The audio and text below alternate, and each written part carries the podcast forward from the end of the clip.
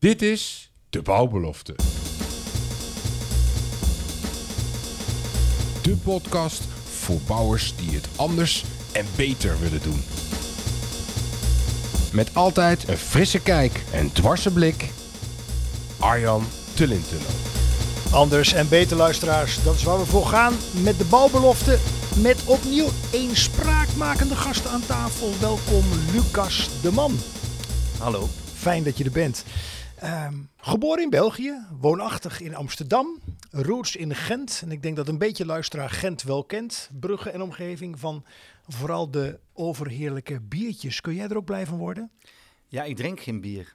Dus ik Dat is ben, nog mooier. Ik ben, een Belg, die- ik ben een Belg die geen bier drinkt. Dat is echt eh, heel triest. Kun je daarmee thuiskomen eigenlijk? Eh, in België niet meer, nee. Nee, ik, heb, ik, heb, ik weet niet waarom. Ik, ik kan me voorstellen dat heel af en toe, dankzij die alcoholvrije biertjes, vind ik dat wel eh, een enorme pluspunt. Heel af en toe vind ik dat fijn. Maar eigenlijk drink ik drink, ben een wijndrinker, geen Kijk. bier. Ja. Kijk, leuk, leuk, leuk, leuk. Nou, gelijk een mooie binnenkomer.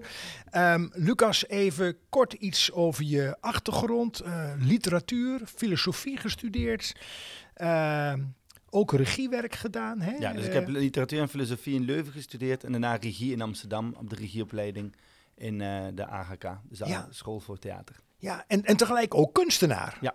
Ja, en, en, en, en dat zullen eh, luisteraars zich ook afvragen mogelijk. Van, hey, hoe kom je van li- literatuur, filosofie, eh, boeken, regiewerk eh, in de kunst terecht?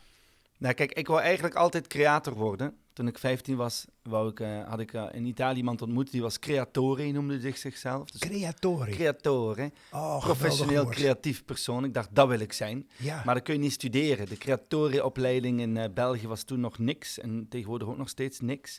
En toen zeiden mijn ouders, je mag naar de kunstopleidingen, dus regie of dat soort dingen, maar je moet eerst universiteit gedaan hebben. Heel Vlaams.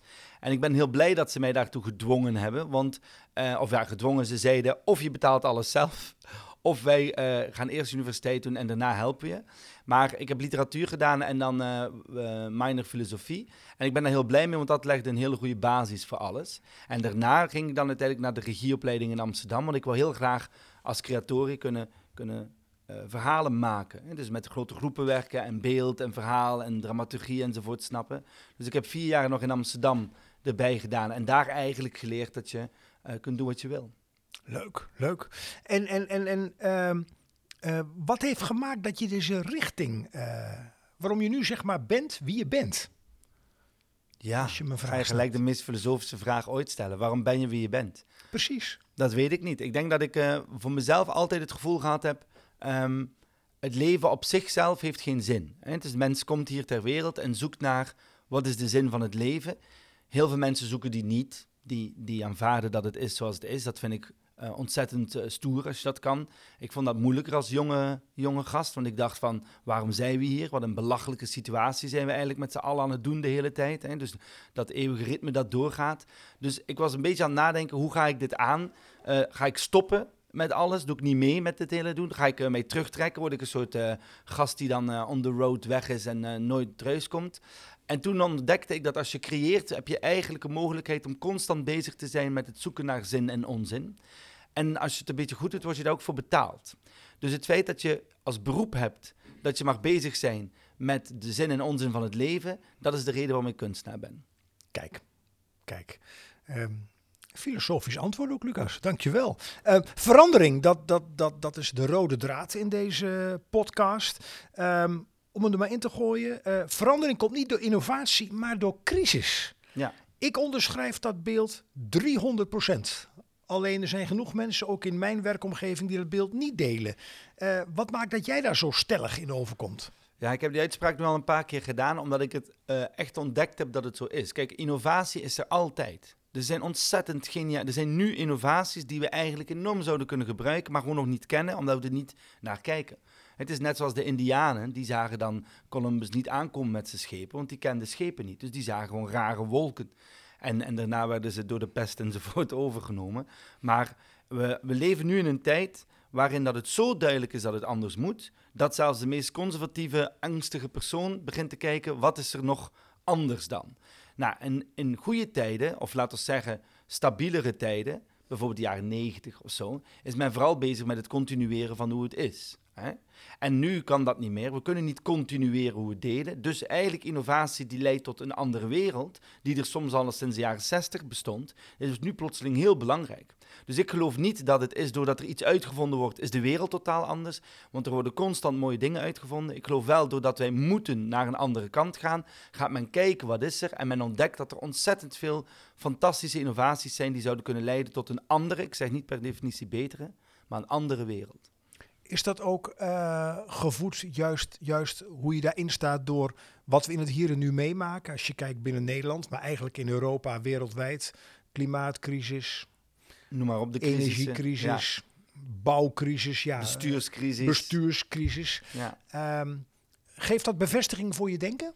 Ja, zeker. zeker. Kijk, de, de, de, ik, ik, um, ik ben blij dat we in die crisis zitten. Als kunstenaar, als mens vind ik het doodeng.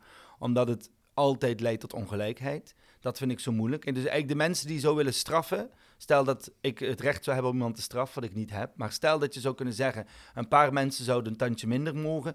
Uh, op een of andere manier gebeurt dat zelden. De mensen die een tandje minder gaan krijgen, zijn de mensen die eigenlijk een tandje had willen bijsteken. Dus de, op dat gebied is de wereld niet eerlijk of fair of zo. Um, maar wat wel interessant is, is dat het verlangen om naar een wereld te gaan die wat uh, groener en solidairder en meer samen is en minder egocentrisch en gericht op een soort uh, absurditeit van winst en status, is natuurlijk nu veel meer mogelijk dan uh, voor zo'n crisis. Dus de mogelijkheden tot een interessantere wereld die beter bij mij past, zijn er. Alleen vrees ik dat die um, maar voor een aantal mensen werkelijkheid zullen worden en voor heel veel mensen niet.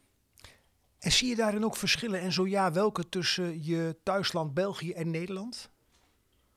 Of is die dynamiek bij onze zuidenburen uh, vergelijkbaar? Nou, ik denk dat de basisproblemen dezelfde zijn. Kijk, de landen zijn natuurlijk anders. Nederland is het soort Amerika van Europa. Is super uh, neoliberaal doorgevoerd. Um, de nivellering is enorm uh, weggevallen hier. Um, wie arm is, is een loser, heeft het zelf gedaan. De taal die hier gesproken wordt is zo hard, is zo egocentrisch. Die is in België minder. In België Wat zachter, je... denk ik, hè? Zachter. En niet alleen door het accent, maar ook gewoon het idee van solidariteit leeft nog iets meer in Vlaanderen. Het middenkader is ook nog steviger. Hè? Dus de, de instanties tussen de overheid en de uh, bevolking. Alleen heb je in Vlaanderen dan weer het probleem van. Um, dat Vlaams nationalisme dat enorm opkomt. Uh, een overheid die totaal uh, nog minder functioneert dan in Nederland. En, en ik denk een jeugd die um, best wel depressief is. En in Nederland en in België heb je allebei een jeugd die het gevoel heeft van waar moet ik nu naartoe? Waarvan een deel super activistisch wordt daardoor. Hè? Dus eigenlijk uh, pessimisme leidt ook tot activisme. Dat vind ik heel cool. Maar heel veel pessimisme leidt tot uh, uh, niks eigenlijk. Tot gewoon depressie en negativiteit. En dat heerst er nu heel erg, zeker in België. En, en is dat dan um, reagerend op elkaar? Um, is dat tijd te keren? Ja, tuurlijk. Zeker. Nogmaals, het tij zal keren omdat het niet anders kan. Dus ik ben niet zo iemand die zegt alles wordt beter en eindelijk is de goede tijd. Dat is, dat is, dat is naïef hè, van mij om te denken. Eh, ik denk wel dat het anders wordt. En anders is voor sommigen beter en voor anderen minder goed. Ik denk dat de tijd waar we zaten, zeg maar, die dus heel erg opnieuw gaat over uh, soort winstmaximalisatie, egocentrisme, afbouw van solidariteit. En dus heel erg gaan over uh, geld eigenlijk. En uh, je bent een goed iemand, hè, ethisch goed, als je veel hebt verzameld. Dat is een beetje een raar idee, maar dat is wel hoe het nu is. Dat is voorbij. Dus er is kans om een meer solidaire uh, alternatief te vinden. Dat je weer samen gaat werken of elkaar gaat helpen. Of dat hebben, hebben, hebben minder belangrijk wordt. Alleen, dat duurt 20, 30 jaar, zo'n omgang, zo'n omwisseling. En in die 20, 30 jaar gaan altijd de mensen die minder hebben, jammer genoeg, nog minder hebben. En dus wat ik moeilijk vind, is dat ik als kunstenaar denk, yes, nieuwe tijd, en we kunnen misschien meer groen, en we gaan zo huizen bouwen, we gaan dit en dit en dit doen. En als mens denk ik, ja, maar wie gaat dat dan, voor wie is dat dan? Wie kan er meedoen? En wat ik voorspel, is dat je de komende 20, 30 jaar wijken en steden en gebieden zult hebben die wel gaan voor eigenlijk meer solidariteit, meer groen, eigenlijk dus het beter en plekken die dat niet zullen doen. En dan heb jij maar pech dat je net woont in zo'n plek dat niet is, of niet de mogelijkheid hebt om te verhuizen.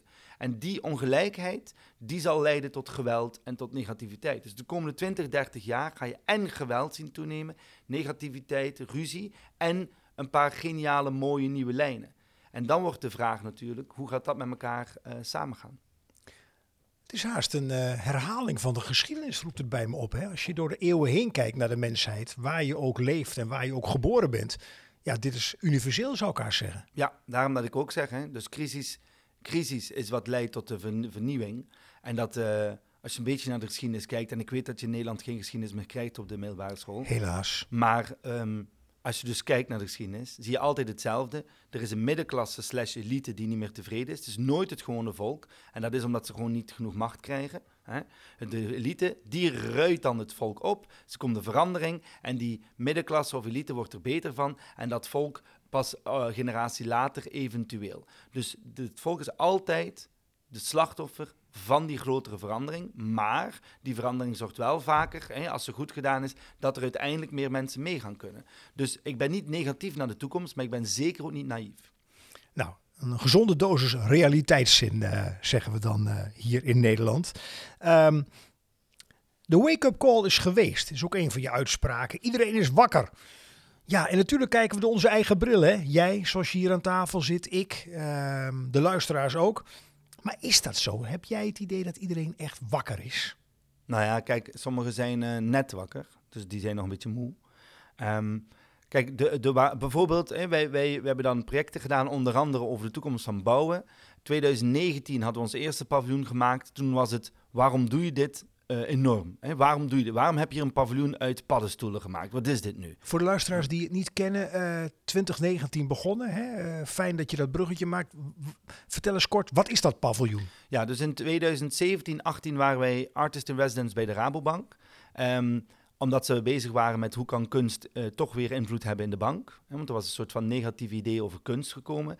Wij waren artist in residence, we hebben daar van alles gedaan. Maar ook hadden we gesprekken met heel interessante mensen in de bank. Want die bleken er ook te zijn, dat wist ik niet. Maar er zijn daar ook super interessante mensen. En dus die waren bezig met de toekomst van de wereld. En die zeiden eigenlijk tegen ons, je kan met de natuur bouwen. En wij vonden dat als kunstenaar super interessant, want wij maken heel veel decors en installaties en die uiteindelijk gooien die ook weer weg. Dus wij dachten dat is niet goed. Kunnen wij niet bouwen dat kan afgebroken worden? Kun je iets kun je een decor kweken. Dat was het idee. Dus, nou, lang verhaal kort. Vanuit de Rabobank kwamen bij de Design Week. Wij hadden mycelium ontdekt. Mycelium is eigenlijk paddenstoel gecombineerd met bijvoorbeeld stro of hennep of liesdodde. En eigenlijk het afval van die plant. Dus super goedkoop, heel mooi, heel makkelijk te kweken. Heel licht ook. Dus wij dachten, iedereen gebruikt dit. Nou, dat bleek helemaal niet waar te zijn. Er waren een paar kunstenaars en ergens een Amerika een bedrijfje.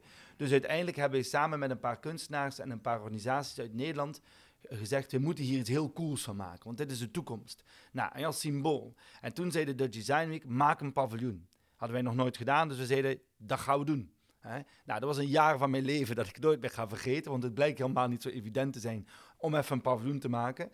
En vooral als dus kunstfondsen denken, ja, maar als je iets gaat bouwen, dan is het geen kunst meer. De bouwers zeggen, waarom zou je het paddenstoel iets gaan bouwen? Wat is dit nu weer? En uiteindelijk wou dus eerst in het begin niemand uh, meedoen, want niemand was wakker. Hè? Nou, we hebben dat paviljoen toch gemaakt. En dat bleek een schot in de roos. Mensen vonden het fantastisch. Dat was in 2017? Dat was in 19. Dus 17, 18 uh, de Rabobank. Dan in 18 Mycelium ontdekt. Daar gaan we experimenteren. En dan 19, Dutch Design Week 19, stond ons paviljoen daar. De Growing Pavilion. Voor de corona. Dus massa's volk. Toen hebben wij wereldpers gehaald. We hebben een Design Highly Commended Award gewonnen. We hebben weet ik veel, bla bla bla, prijzen enzovoort. Uh, leuk voor je ego, heb je verder niet zoveel aan. En dan stond dat paviljoen daar. En toen kregen wij plotseling van bouwers, van architecten, van de maar op, kregen wij vragen van, hey, uh, wat is dit, vind dit interessant? Terwijl ze eerst nog niet wakker waren, niet mee wouden doen. En toen kregen wij van heel veel, jongen vooral, uh, materiaalbouwers en uh, designers en zo, de, ze de zeg van hey, wij maken ook met de natuurmaterialen, niet alleen dus met schimmels, maar met allemaal andere dingen. Maar wij komen niet door die conservatieve barrière van die bouwwereld, terwijl het heel veel problemen oplost. Bijvoorbeeld, ik noem een paar dingetjes als CO2, stikstof. Nu een dingetje, hè? toen we nog niemand wou het erover hebben. Maar wij zagen al, hé hey, wacht eens, vernatting zou je hiermee kunnen doen. De natuur, toekomst voor de boer, heel belangrijk. Gezondere huizen, corona was net begonnen. Dus wij dachten, wow, we moeten er iets mee doen. Waarom bouwen we geen huis? Want iedereen kent het concept huis. Volledig met natuurlijke materialen. Dus we tonen wat er al kan en ook wat er de komende jaren gaat kunnen. Waarom doen we dat niet? En dat is het verschil, want je vroeg wie is er wakker. In 2019 wou geen enkele bouwer ons helpen. We hebben het allemaal zelf moeten doen. En als iemand inhuurde, moesten we die betalen. In 2022, uh, 21, sorry, dus twee jaar later, is het hele huis gesponsord door de markt. Dus het hele huis kwamen allemaal partijen die wouden meedoen, want ze, ze wouden leren, ze wouden snappen waar de wereld naartoe ging. Dus we hebben een huis gebouwd 200 vierkante meter huis met 100 materialen uit de natuur, waren dat 120 partijen hebben samengewerkt. En dat in Eindhoven. In Eindhoven, ja, Dutch Ik heb het zelf gezien. Hartstikke mooi. Ja, en dat staat nu op de Floriade samen met dat Mycelium dat ook nog altijd bestaat. Wij hebben ook geen idee, maar dat gaat nog altijd supergoed. Nog altijd niks aan moeten vervangen, dus dat is, dat is absurd. Laat ook zien hoe mooi mycelium is. En eigenlijk wat ik nu merk, want we zijn weer een jaar later, we zijn nu 2022, is dat ik nog nooit een bouwer ben tegengekomen die niet het woord biobased kent of niet bezig is met waar gaan wij eigenlijk naartoe. Ze vindt allemaal nog eng en de vraag is hoe. Dus niemand is nog bezig met why, waarom moeten we dit doen, dat snapt iedereen. Maar hoe, dat vinden mensen super moeilijk. Mycelium, even voor de mensen die het woord nog niet eerder gehoord hebben en die luisteren. Wat is mycelium? Mycelium is eigenlijk de combinatie van stro of hennep of lisdod of een andere vezelrijke plant met de sporen van de paddenstoel. En wat je krijgt is, je giet eigenlijk die vezels in een mal, hè, elke mal die je wil.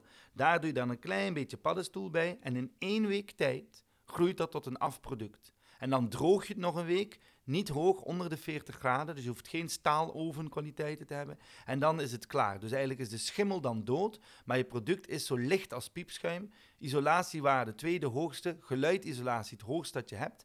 En het mooie is, mocht je het niet meer willen, dan verpulver je het, gooi het gewoon up in de tuin en is het weg.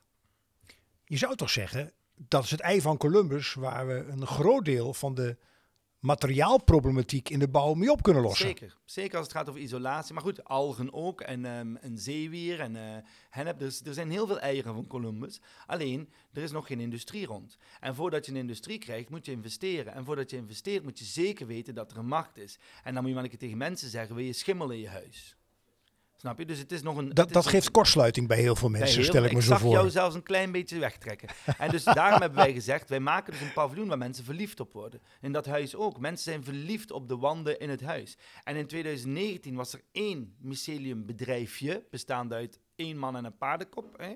En nu zijn er al vijf. Dus het is wel iets dat aan het groeien is. De Mogu bijvoorbeeld nu is echt een bedrijf gewoon. Die levert gewoon aan de groothandel al. Dus het is wel iets dat aan het, aan het, aan het stijgen is, net zoals algen. En ik denk eigenlijk, in tijden van geen crisis, ga je niet iets nieuws als schimmels of algen of zo Dat doe je niet. Dat is te moeilijk. Niemand waagt zich eraan, want het publiek gaat het niet mooi vinden en de certificering duurt lang en kost geld. Stop. Nu hebben we crisis. En plotseling zijn mensen heel erg geïnteresseerd in schimmels in hun huis. Zeker als blijkt dat die nog een keer gezonder zijn dan geen schimmels eigenlijk. En dat vind ik zo leuk dus aan deze tijd, is je, je gaat zelfs de minds van best wel conservatieve uh, partijen, als de bouw of de landbouw, ga je ook openzetten. En dat is omdat ze moeten, niet omdat ze willen. Maar goed, maakt niet uit hoe ze er komen, ze staan er wel voor open. Nou, dat lijkt me in ieder geval positief Zeker. en goed nieuws. Even een stap terug, uh, Lucas. Ehm, je was bij de Rabo actief. En, en je was aangenaam verrast als ik het goed vertaal. En anders vul me aan dat er ook mensen daar rondlopen die echt betrokken zijn bij de toekomst. Ja. Toen al uh, voor de agrarische sector. Dat is ook al jaren geleden. En kijk naar het hier en nu. Heel actueel. Zomer 2022. De boerenopstand, boerenprotesten. Ja, ik leid daaruit af. En als ik concludeer, dan zeg het gerust dat die geluiden die er wel zijn, blijkbaar niet naar boven komen, waardoor er tijdiger verandering in gang gezet kan worden. Nou kijk, ik, was, ik heb in 2012 het project Wij Varkenland gedaan. Dat ging over de varkensindustrie. Dat, dit is een voorstelling dat ik een, een, een broer en een boer speelde. Dus een jonge gast die uh, ridder wou zijn, lees kunstenaar, hè, dat is dan mijn verhaal. En zijn broer die het bedrijf, familiebedrijf overnam. En allebei kwamen ze achter dat de wereld niet meer was zoals ze dachten dat het ging zijn toen ze jong waren. Um, omdat ze bijvoorbeeld, eh, de boeren worden door machtwerking enorm genaaid en door veevoerbedrijven en door alle mensen er rond. Um, ik heb toen honderden boeren gesproken. Ik heb die voorstelling, hou je vast, 225 keer gedaan. In totaal van meer dan 20.000 boeren in vijf verschillende landen. Dus ik heb heel veel boeren gesproken. Ik heb geen enkel boer ontmoet in die tien jaar dat ik die voorstelling gedaan heb, die blij was met hoe het was. Want een boer wil boeren. Een boer wil niet uh, geen tijd hebben voor zijn beesten, omdat hij alleen maar papierwerk moet doen en een soort, soort, soort supermanager moeten zijn enzovoort enzovoort. Dus de problemen waren al, al heel lang bekend. Alleen, er werd te veel geld verdiend, net zoals in de bouw, met hoe het was. Door mensen trouwens vaak die niet het werk deden. Hè? Door heel veel boerderijen worden gerund door managers die, die nog nooit een varken van dichtbij hebben gezien. Ehm, dus we hebben zelf een economie gecreëerd. Dus ik ben altijd, ik zeg, ik zeg, ik ben pro-boer tegen systeem. Ik ben pro-bouwer tegen het systeem. Dus, dus de boeren, dat die nu aangevallen worden, is, vind ik bullshit. Vooral ook een ministerie die zegt: Oké, ehm, we hebben problemen, we hebben het zelf veel te lang laten doorgaan. Weet je wat? Jullie moeten stoppen. En ze komen niet met alternatieven of met: hey, dit zijn de vijf keuzemogelijkheden die je hebt. Hey, wil je door? Nee, ze zeggen gewoon: stoppen. En dan gaan ze een keer nadenken: hoeveel gaan die mensen betalen om eruit te Dus tuurlijk zijn die mensen in paniek. Kom aan, dat is uw hele passie. Weet je, als je tegen mij zegt: van oké, alle kunstenaars moeten stoppen morgen. Punt want het is slecht voor het milieu, dan wil ik gerust zeggen van ja, er zijn er niet alternatieven. Dus het probleem is dat er geen dialoog is. Het probleem is dat het, de crisis zo groot is dat men nu moet ingrijpen, omdat men gewoon anders rechtszaken enzovoort heeft, maar nog niet durft te denken aan het alternatief, omdat men eigenlijk niet is ingericht voor een overheid om te denken aan mogelijkheden. Men is ingericht om heel korte probleempjes op te lossen en niet op lange termijn te gaan denken. En waar, waar zit dat dan in? Heeft het ook te maken met de cultuur van een land? Of speelt deze problematiek, voor zover je daar zicht op hebt, ook in andere landen? Die, die speelt overal en zeker in, in westerse landen. Omdat, omdat het, kijk, het is, uh, omdat politici hebben macht steeds meer afgestaan aan, aan kapitaal. Dus uh, Nederland wordt vooral gerund door, door een aantal hele grote uh, bedrijven die invloed hebben. Niet rijke mensen, hele grote bedrijven. Dus niet familiebedrijven of gewoon een paar bouwers, maar echt de multinationals hebben veel meer te zeggen dan de politici. Politici zelf zijn niet bezig met lange termijn, zijn bezig met zichzelf. Niet allemaal, maar gemiddeld wel. En ik snap het ook, want het gaat veel meer over de waan van de dag. Dus de, de revolutie zal niet vanuit de overheid komen. De revolutie zal komen vanuit de mensen zelf, vanuit verschillende alternatieve bewegingen, waar ook boeren aan mee gaan doen. Je hebt nu al bewegingen dat hele burgers samen met boeren land opkopen, zodat die boer biologisch kan zijn, zodat ze hem steunen. Dus rechtszaken worden gewonnen. Dus je krijgt eigenlijk een heel mondige middenklasse die nu aangevallen wordt. Dus die gaan minder verdienen, die kunnen de prijs niet meer betalen. Dus die middenklasse gaat alleen maar luider worden. En het voordeel aan zwakke politici is dat ze ook meebewegen als de, als de burger maar luid genoeg roept. Dus eigenlijk denk ik zwak beleid wat je nu hebt. Hè, dus een overheid die maar blijft zitten en, en dat neoliberale verhaal is klaar. Hè, dus in filosofie is het mooi, maar op papier is het nu klaar. Dus de alternatieven gaan luid. Alleen het nadeel is, angst is zoveel makkelijker om luid te zijn dan inhoud of nuance. Dus wat je nu ziet is dat uh, boosheid, angst, populisme, extreemheid op dit moment veel meer letterlijk stemmen krijgen dan nuance. Daarom is de politiek zo moeilijk om de verandering te brengen, omdat de politiek speelt in op angst, speelt in op luide stemmen. Terwijl de bevolking, groepen burgers, wij met z'n allen, samen met bedrijven, want dus, dat zijn ook burgers, hè? dus bouwers, boeren, alle bees. Wij kunnen met z'n allen samen gaan werken om te zeggen, oké, wat is het alternatief? En dan dwingen we af aan een overheid om daar regels, wetgeving en gevolgen aan te geven. En voor mij is de combinatie tussen praktijk en overheid samen, dan kun je het doen. Alleen de bedrijven die zeggen, eh, F de overheid, we doen het zelf wel, natuurlijk lukt dat niet, want je hebt regels nodig. Maar wachten op een overheid die het gaat doen, is gewoon naïef. Dus je moet zelf durven initiëren, in contact blijven met die overheid en zeggen: Kijk, jullie, we snappen dat jullie het niet kunnen. Het systeem hebben we met z'n allen gewoon uh, gemediatiseerd. Het gaat alleen maar over: Oké, prima. Dit zijn ideeën, wat ga je nu doen? En er zijn genoeg ambtenaren met wel ballen. Er zijn af en toe ook politici met wel ballen die gaan zeggen: Oké, we doen mee. Maar als we ze geen alternatief geven, gaan ze, ze kunnen het niet in dit politieke systeem zelf allemaal gaan bedenken en invoeren. Dat gaat gewoon niet. Nee, dat, dat, dat beeld heb ik ook als je naar de organisatiekundige kant kijkt. Ehm, terwijl je aan het praten was, Lucas, schoot bij mij het woord media uh, door mijn hoofd. Of het nou, uh, als je kijkt naar de actualiteit, de problematiek is rond uh, vluchtelingen bij Ter Apel, of bouw, of stikstof. Eigenlijk wel thema niet. Zorg, onderwijs niet te vergeten. Ehm, hoe kijk jij naar de rol van de media?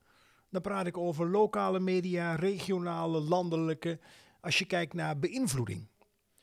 Ja, die is enorm. Alleen ik denk dat um, media is zo breed. Hè? Dus welke media? De onafhankelijke, wie is dat dan nog precies? Wij maken hier ook een podcast, is ook media. Dus ik denk dat aan de ene kant de media ontzettend gedemocratiseerd. is. Dus overal, iedereen kan nu media maken. Elke, elke jongen van 14 kan zijn eigen kanaal, of meid van 14, maakt niet uit, kan eigen kanaal beginnen en, en, en dingen zeggen. Het voordeel daarmee is dat iedereen een stem kan krijgen. Het nadeel is dat natuurlijk zoveel stemmen zijn dat het moeilijk is om te luisteren. Hè, dat wil zeggen dat je heel erg je eigen publiek bereikt. Ja. Dus iedereen, iedereen heeft zijn eigen bubbel. Zijn eigen bubbel. En ik weet dat het een cliché is, maar het is wel waar. En die algemene media, die zeggen natuurlijk steeds minder. Want die kopiëren elkaar en die zijn, die zijn met de kleine procentjes. Ik bedoel, jullie media is gerund door drie bedrijven. Al jullie algemene media, waarvan twee Belgen. Dus eigenlijk twee derde van jullie media is in de hand van een ander land, DPG, ja. bijvoorbeeld. Ja. Hè? Dus, dus de Belgen runnen twee derde van de media. Nee, ik vind dat een soort van dik, een nieuwe vorm van, van kolonialisering. Hè? Wij bepalen eigenlijk wat jullie. Dus, maar wat je ziet, ik- als ik die kranten bekijk nu, en, en de, is dat er natuurlijk steeds. Iedereen zegt hetzelfde. Er wordt eigenlijk niet echt veel interessante eh, nieuws bedreven, omdat er gewoon geen tijd en geen plaats en geen ruimte is voor goede media. Terwijl er fantastische journalistieke ideeën zijn, initiatieven zijn, om wel die diepte in te gaan. Maar die zijn dan weer vaak eh, eh, ernaast voor de correspondent of andere ideeën. Dus het, het interessante aan deze, aan deze wereld is dat het jammere is dat media ook mee moet doen in het hele eh, kapitalistische verhaal van, van, van cijfers en, en meten is weten en door pap, en winst en kleine marges en go, go, go. Waardoor je altijd massa probeert te bereiken. En door als je massa doet, krijg je een beetje een soort vervlakking. Aan de andere kant, dankzij internet en al deze dingen, kun je eigenlijk alles vinden als je maar zoekt. Maar zoeken voor mensen is heel ingewikkeld. Want de meerdere mensen willen niet zelf gaan nadenken: klopt dit nu? Is het juist of niet? Dus je krijgt een ander groot gevaar, waar we het nog niet over gehad hebben, maar heel belangrijk is. Doordat iedereen maar wat kan roepen, wordt de waarheid zelf de hele tijd weggezet als fake. Wat in Amerika nu is. Waardoor je dus eigenlijk maakt niet uit wat je zegt, als je maar luid genoeg roept. Waardoor dat iedereen alles door elkaar roept. En bijvoorbeeld over die stikstof zoveel onwaarheden zijn. Ik vond het heel mooi dat 135 wetenschappers over laatst een brief hebben geschreven. Jongens, we hebben het uitgezocht. We weten wat we moeten doen. Het is nu politieke moed. Maar wat doen een aantal politici? Up, die- weer, weer zout of strand, zand gooien Ja. in de ogen van de mensen. Want ja, het is niet waar. Er zijn drie mensen op Mars die hebben eh, de stikstof veroorzaakt en moeten die gaan neerschieten. Weet ik veel. Ik kan hier nu op dit moment 700 verhalen in de lucht doen die eigenlijk vooral zeggen, we gaan het niet echt aanpakken. Want er is iets anders. Klimaatopwarming bestaat niet. En dat, zorgt er, dat is eigenlijk het moeilijkste, zeker voor jonge mensen, die dus volwassen worden met het idee, iedereen zegt maar wat. En dat maakt heel veel mensen onzeker. Kijk, wij, jij en ik weten, oké, er is heel veel gezeik, dus, dus we gaan zoeken naar de juiste kanalen. We weten ook wel wie dat er meer trustworthy is dan niet. We weten ook natuurlijk dat iedereen fouten kan maken. Maar bedoel, ergens navigeren wij wel, want we zijn nog opgeleid in een wereld waarin dat er een soort vertrouwen was. Als je nu jong bent, lijkt mij zo moeilijk dat eigenlijk de boodschap is: vertrouw niemand, want iedereen doet maar wat. Dat lijkt mij heel ingewikkeld. Kan het ook te maken hebben, Lucas, met... ehm, ik kan je volgen, ik denk onze luisteraars ook... Dat, dat media, eh, ze zeggen wel eens positief nieuws verkoopt niet. Snap je wat ik bedoel? Zeker. Men is Eh, verslaafd aan angst. Men is verslaafd aan boosheid, aan woede. Aan... Er, was letterlijk, er was letterlijk op de radio toen ik naar hier reed iemand die vroeg, eh, die was bij een evenement. En hoe is het daar? Zijn er al boze mensen? Vroeg die letterlijk. Die verslaggever. Ja, die, nee, dus de radiopresentator Ja, aan de ja. verslaggever. Het ging over de treinstaking die er is. Er is vandaag een treinstaking. Hè? Ja. En eh, eh, ben je op Utrecht Centraal? Ja, het is hier heel rustig. Lees, eigenlijk heb ik geen nieuws. Hè? Eh, maar heb je al teleurgesteld en boze mensen ontmoet? Dus liever drie boze mensen dan honderdduizend mensen die begrijpen dat er een staking is omdat die personeel uitgebuit wordt. En dat bedoel ik, tuurlijk verkoopt dat beter. Hè, maar dat is altijd geweest. Dus wat ik ook gevaarlijk vind is om te doen alsof het nu plotseling is dat de media bezig is met angst en verderf. Dat is natuurlijk altijd geweest. Altijd. Eens, maar wordt dan, als we het dan hebben over een systeemverandering, komen we zo meteen nog verder over te spreken.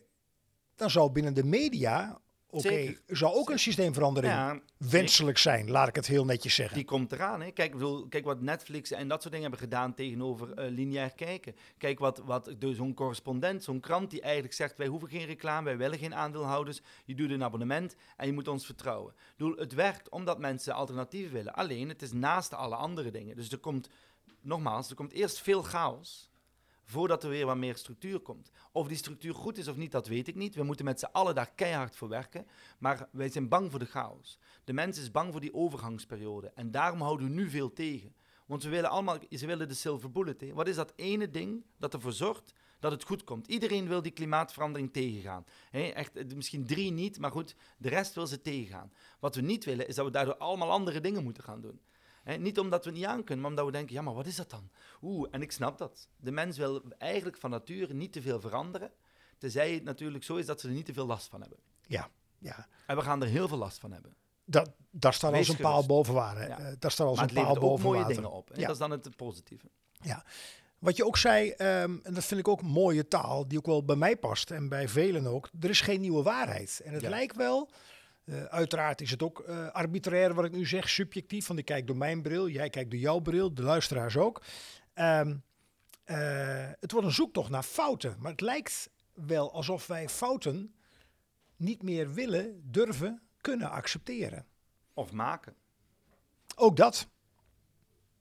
Kijk, als je, als je gelooft dat de wereld maakbaar is, wat sinds de jaren 60 heel erg het devies is, hè, de wereld is maakbaar, we lossen alles wel op. Ja. Eh, dat, we lossen het op. Dat, we lossen het op. Stotter je, we doen een cursus. Ben je bang, pilletje erin.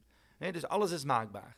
Ik ben als eh, filosoof, eh, ik ben natuurlijk geen filosoof, ik ben literatuurexpert met een, met een minor filosofie. Maar mijn filosofische kant, die zegt, zolang we doodgaan, is er hoop. En men probeert dat ook tegen te gaan. Hè. Men probeert te zorgen dat we niet meer doodgaan. Dus, dus de mens... Wat is de achterliggende gedachte achter die zin? Zolang we doodgaan, is er hoop. Ja, omdat men de, de, de dood niet kunnen controleren. Dus zolang we allemaal met z'n allen, dus iedereen tot nu toe gaat dood.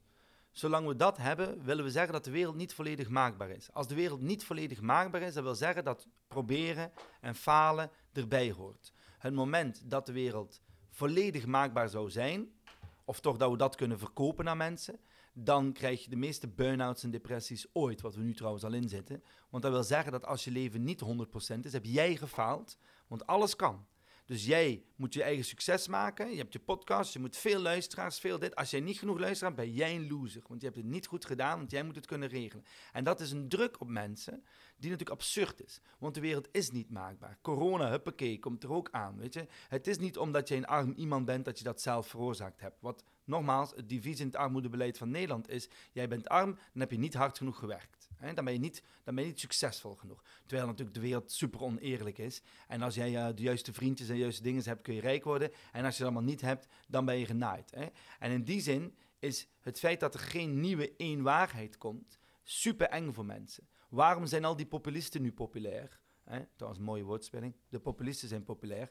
Omdat zij pretenderen een waarheid te hebben. En ik denk dat de helft van hun volgers weet dat het bullshit is. Maar liever dat, liever een fake waarheid, dan zelf in een soort ongewisse blijven. En daarom vind ik dat we genoeg moeten eigenlijk, ook in die media waar ik het net over had, moeten eigenlijk mooie alternatieven laten zien. Mogelijkheden. Daarom dat ik de huis gemaakt heb. Laat mogelijkheden. Geef mensen hoop, maar geen valse hoop. Geef ze houvast zonder te zeggen, dit is de waarheid. En dat kan. Je kan echt verschillende eh, bakens zetten, mogelijkheden zien, focus op het eh, mooie. Duidelijkheid, hernieuwde duidelijkheid noem ik het wel eens, dat is nodig. Kun je toch heel mooi en eigenlijk eenvoudig koppelen aan hoop. Ja, alleen jammer is dat die duidelijkheid een heel complex iets is. Dus ik, ik, ik hou van complexiteit en nuance, omdat dat veel dichter bij de waarheid komt dan A of B. En op een of manier doen we nog altijd of we A of B moeten gaan zeggen. Dus de duidelijkheid is complex, maar gelukkig dus verschillende kanten. En als we dat kunnen eigenlijk gaan promoten, dan gaan mensen iets hebben van: oké, het is complex, het wordt niet makkelijk, let's go. En wat ik dus niet begrijp, in liefde aanvaarden we dat. We aanvaarden dat we verliefd worden op iemand waar we niet helemaal snappen wie die is. Die kan ons constant laten vallen. Weet je, die doet iedere keer iets anders. Dat aanvaarden we allemaal. Maar in de rest van het leven willen we dat niet. Waarom laten we het leven niet een beetje meer lijken op relaties en op liefde? Hè? Proberen we allemaal maar wat en uiteindelijk gaan we dood. Dat is een geruststellende gedachte. Ja, zolang nee, maar doordat we doodgaan, ga je heel erg je best doen. Ja. Want je gaat bijvoorbeeld in de liefde of je werk. Kijk, stel nu dat ik zeg tegen jou, oh, ik doe er nog 100 jaar bij. Dan weet ik niet of je elke dag zo eh, vol energie uit je bed gaat stappen. Ik denk dat je denkt, jezus, nog 100 jaar, ik doe even wat rustiger aan. Dus wij creëren met z'n allen, maar we zijn ook zo bang met z'n allen, doordat we weten er is een eind en dat we er niks kunnen aan doen. En ik ben van de iets meer aanvaarden dat we niet alles onder controle hebben en iets meer met elkaar bezig zijn, in plaats van te doen alsof we allemaal superman kunnen zijn. Nou, dat is een mooi statement, eh, Lucas. Eh, ik heb een aantal kaarten voor me liggen. En ehm, ik weet niet welke vraag op welke kaart staat. Je mag een nummer kiezen en dan ga ik de vraag aan je stellen. Vier.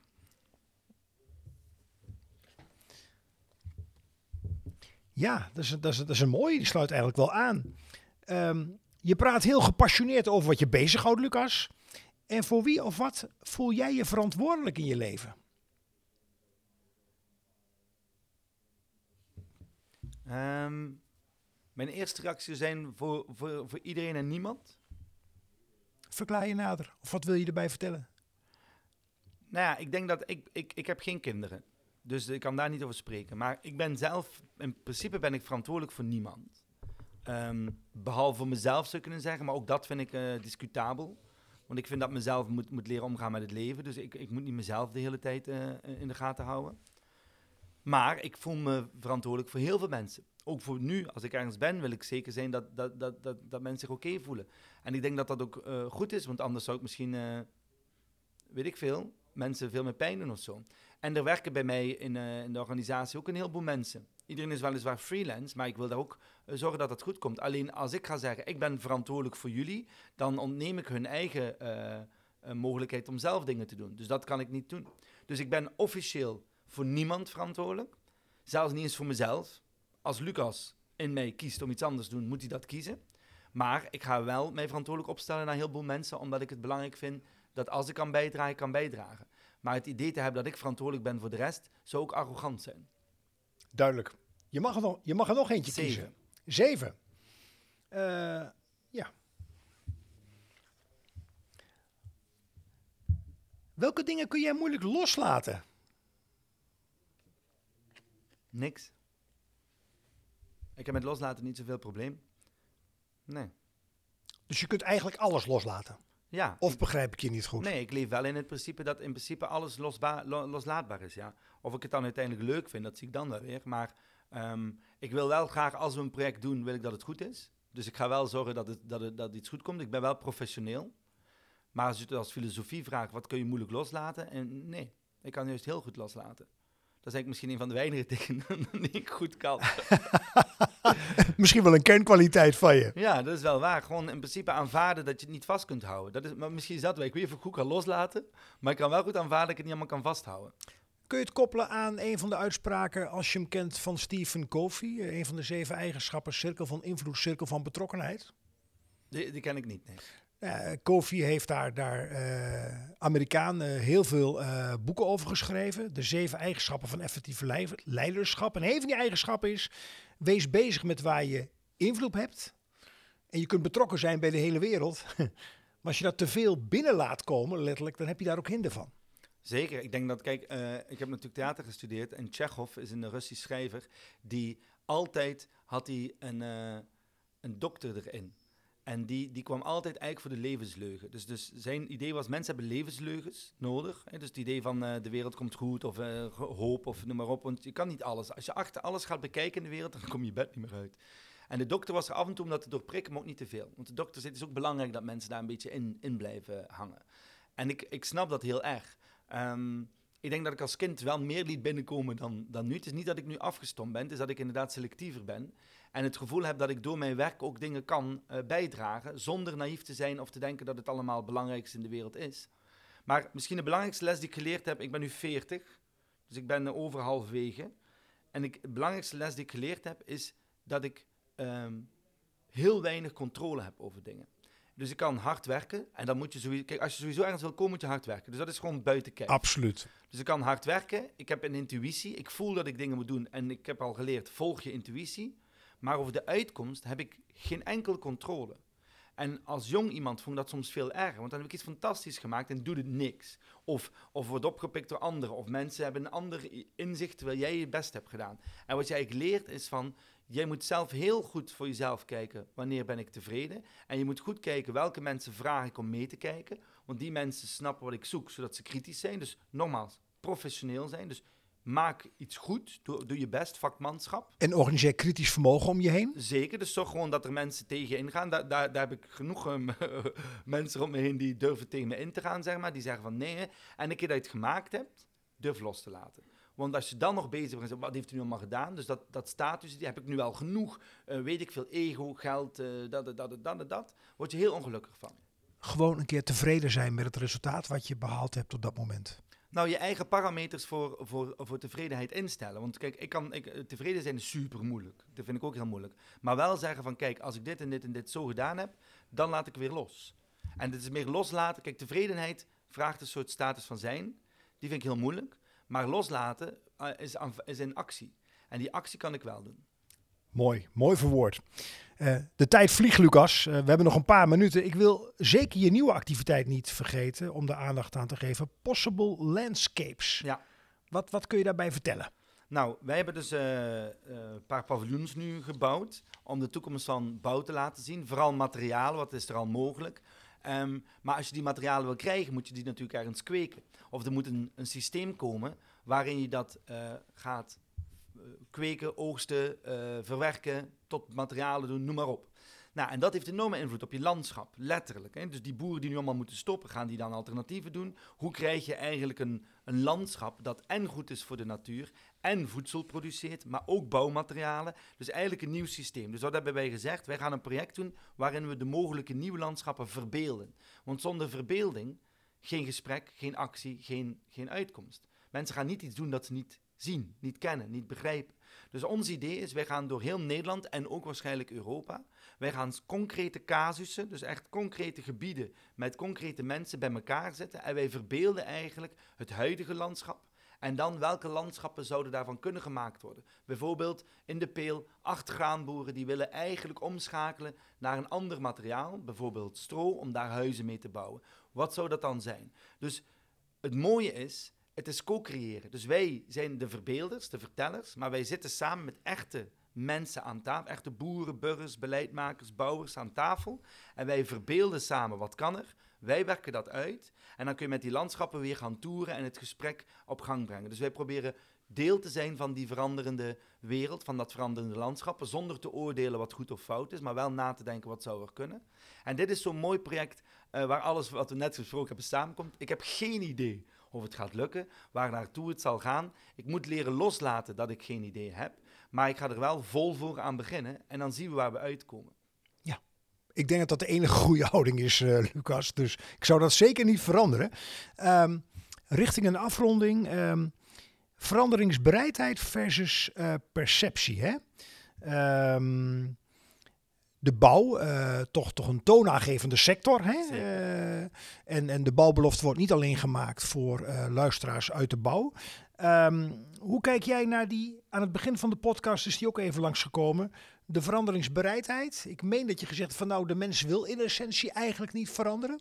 Nee, ik heb gezegd dat de, de, de, het waarom dat men moet veranderen is nu overal aan het indalen. Dus eigenlijk is de veranderingsbereidheid uh, groot antwoorden. Dat duurt lang. Maar omdat de crisis groot genoeg is, is de veranderingsbereidheid groot genoeg. Dus de veranderingsbereidheid wordt ook meer, groter, hoger als de crisis is? Oh, absoluut. Absoluut, zeer. Die, die, die begint, zeker omdat het in de portemonnee pijn begint te doen. Hè? Dus als je, als je de meest extreme conservatief neemt en je zegt tegen die persoon, uh, je, we gaan je geld afpakken als je blijft doen wat je doet, dan gaat hij vragen hoe kan ik het anders doen. Want die wil uiteindelijk wel door blijven gaan met zijn of haar idee van geld verdienen. Dus uh, een positieve en cynische toon is de veranderingsbereidheid heel groot. Alleen nu wordt de vraag de komende jaren hoe. En wat, waar ga je op inzetten? Waar ga je op insteken? Hoe ga je het organiseren? Wat is nu slim en niet? Waar, waar kun je daar eventueel wel of niet potjes voor krijgen? Het is gewoon heel praktisch. Heel praktisch is de, letterlijk de vraag. Dus filosofisch is iedereen wel mee. Het moet, of men nu wil of niet, men is mee. want de crisis is groot genoeg. De hoe wordt de komende jaren super interessant. En er zullen een paar kodakjes tussen zitten. In bedrijven die mhm. de boot missen. Grote, die dachten van, oh, zover gaat het wel niet lopen. Er zullen totale nieuwe systemen komen. Dus nieuwe spelers die de bouw gaan revolutioneren. Zoals een Netflix was voor uh, televisie, zullen er ook in de bouw en in de landbouw nieuwe bedrijven komen. En ik zet mijn geld in op familiebedrijven omdat die natuurlijk heel erg bezig zijn met die toekomst, met het doorgeven. Eh, eigenlijk zijn die al filosofisch van aard, want die zijn altijd bezig met de volgende generatie. Volgens mij hebben die het meest potentie om in die middenmoot te veranderen. Dus die koplopers, die komen er wel, maar waarschijnlijk van buiten de bouw een aantal. Die mensen die achterblijven, die zullen snel doorhebben. Nou ja, jammer, maar die verdwijnen. En die grote middenmoot, daar zit natuurlijk de kracht van, uh, van de bouw, zeg maar. Mooi. Het lijkt mij uh, nu al waardenvol, hè? waardevol en waardenvol om, uh, ja, uh, als jij er ook open staat in een volgende podcast, is alleen stil te staan bij die hoe-vraag. Ja. Want het wat weten we wel. Hè? Het adresseren van de uitdagingen, welke crisis het ook is, dat, dat, dat, dat hoor je dagelijks uh, in de media. Maar de hoe-vraag, dat is waar iedereen mee zit. En belangrijk nog heel even, de, in, de hoe kan, de alle mogelijkheden om die hoe op te lossen zijn er. Hè? Dus het is meer kiezen welke gaan we voor. Dus het is niet, er is geen innovatie. Er is vooral welke keuzes maken om die innovatie toe te passen. Het uitgangspunt mag zijn, eh, Lucas, daar vind ik je ook in. eh, alles is al bedacht. Juist. Alles. Werkelijk alles op welk vakgebied dan ook. Alleen hoe pak je nou de juiste ingrediënten? Kijk naar eh, een kok in de keuken in een restaurant om daar een eh, heerlijk gerecht En van wat te ga maken. je groter maken en wat ga je uitwerken? Ja. Leuk. Laatste vraag, Lucas. eh, want we moeten afronden, ook al zouden we met gemak nog een uur kunnen vullen.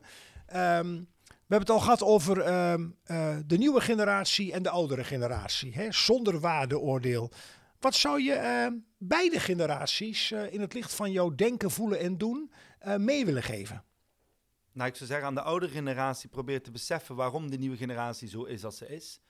Want de, veel oudere generaties denken van wa- wat is dit nu voor een soort eh, zwakke, angstige, eh, overprikkelde, eh, bange generatie die niet meer wil werken. Hè? Ik, ik herken dat, dat je dat zou kunnen denken op eerste zicht, maar die, dat is een generatie die ontzettend aan het zoeken is. En voor de jonge generatie is durf te vragen aan de oude generatie ook voor eh, advies en steun. Het is niet omdat zij uit een oud systeem komen dat ze niet kunnen meedenken eh, en nog deel van de oplossing zijn. Want ze zitten nog altijd aan de knoppen voorlopig. Ze hebben nog altijd het geld om te helpen en de mogelijkheden. Dus ik zou heel erg pleiten dat die generaties elkaar opzoeken. Want de jongen moeten het uiteindelijk gaan doen. Maar de ouderen kunnen daar enorm in bijdragen en helpen. Maar dat vraagt dat je van elkaar begrijpt waarom je zo bent zoals je bent. Het ligt niet aan de jongeren dat ze nu best wel kwetsbaar zijn. Dat ligt best wel aan een systeem dat we met z'n allen gevonden hebben. En het ligt niet aan de ouderen dat ze succesvol zijn geweest. Eh, ze hebben dat niet allemaal zelf gedaan. Weet je? Dat is een tijd waarin het kon. Dus als die gaan samenwerken, dan eh, gaan er op zijn minst iets minder mensen uit de boot vallen. Nou, zit erop, Lucas. Jonger kan ouder van leren. Kan leren van ouder, jonger van ouder en ouder van eh, jonger. Dat is eigenlijk wat ik eruit haal. Het zit erop, Lucas. Dankjewel. eh Lucas de Man was eh, gast aan tafel. Deze bouwbelofte zit erop. En we gaan zeker en vast nog veel van jou en je initiatieven horen. Dankjewel, Lucas. Dankjewel. En ik sluit af met de woorden tot de volgende bouwbelofte.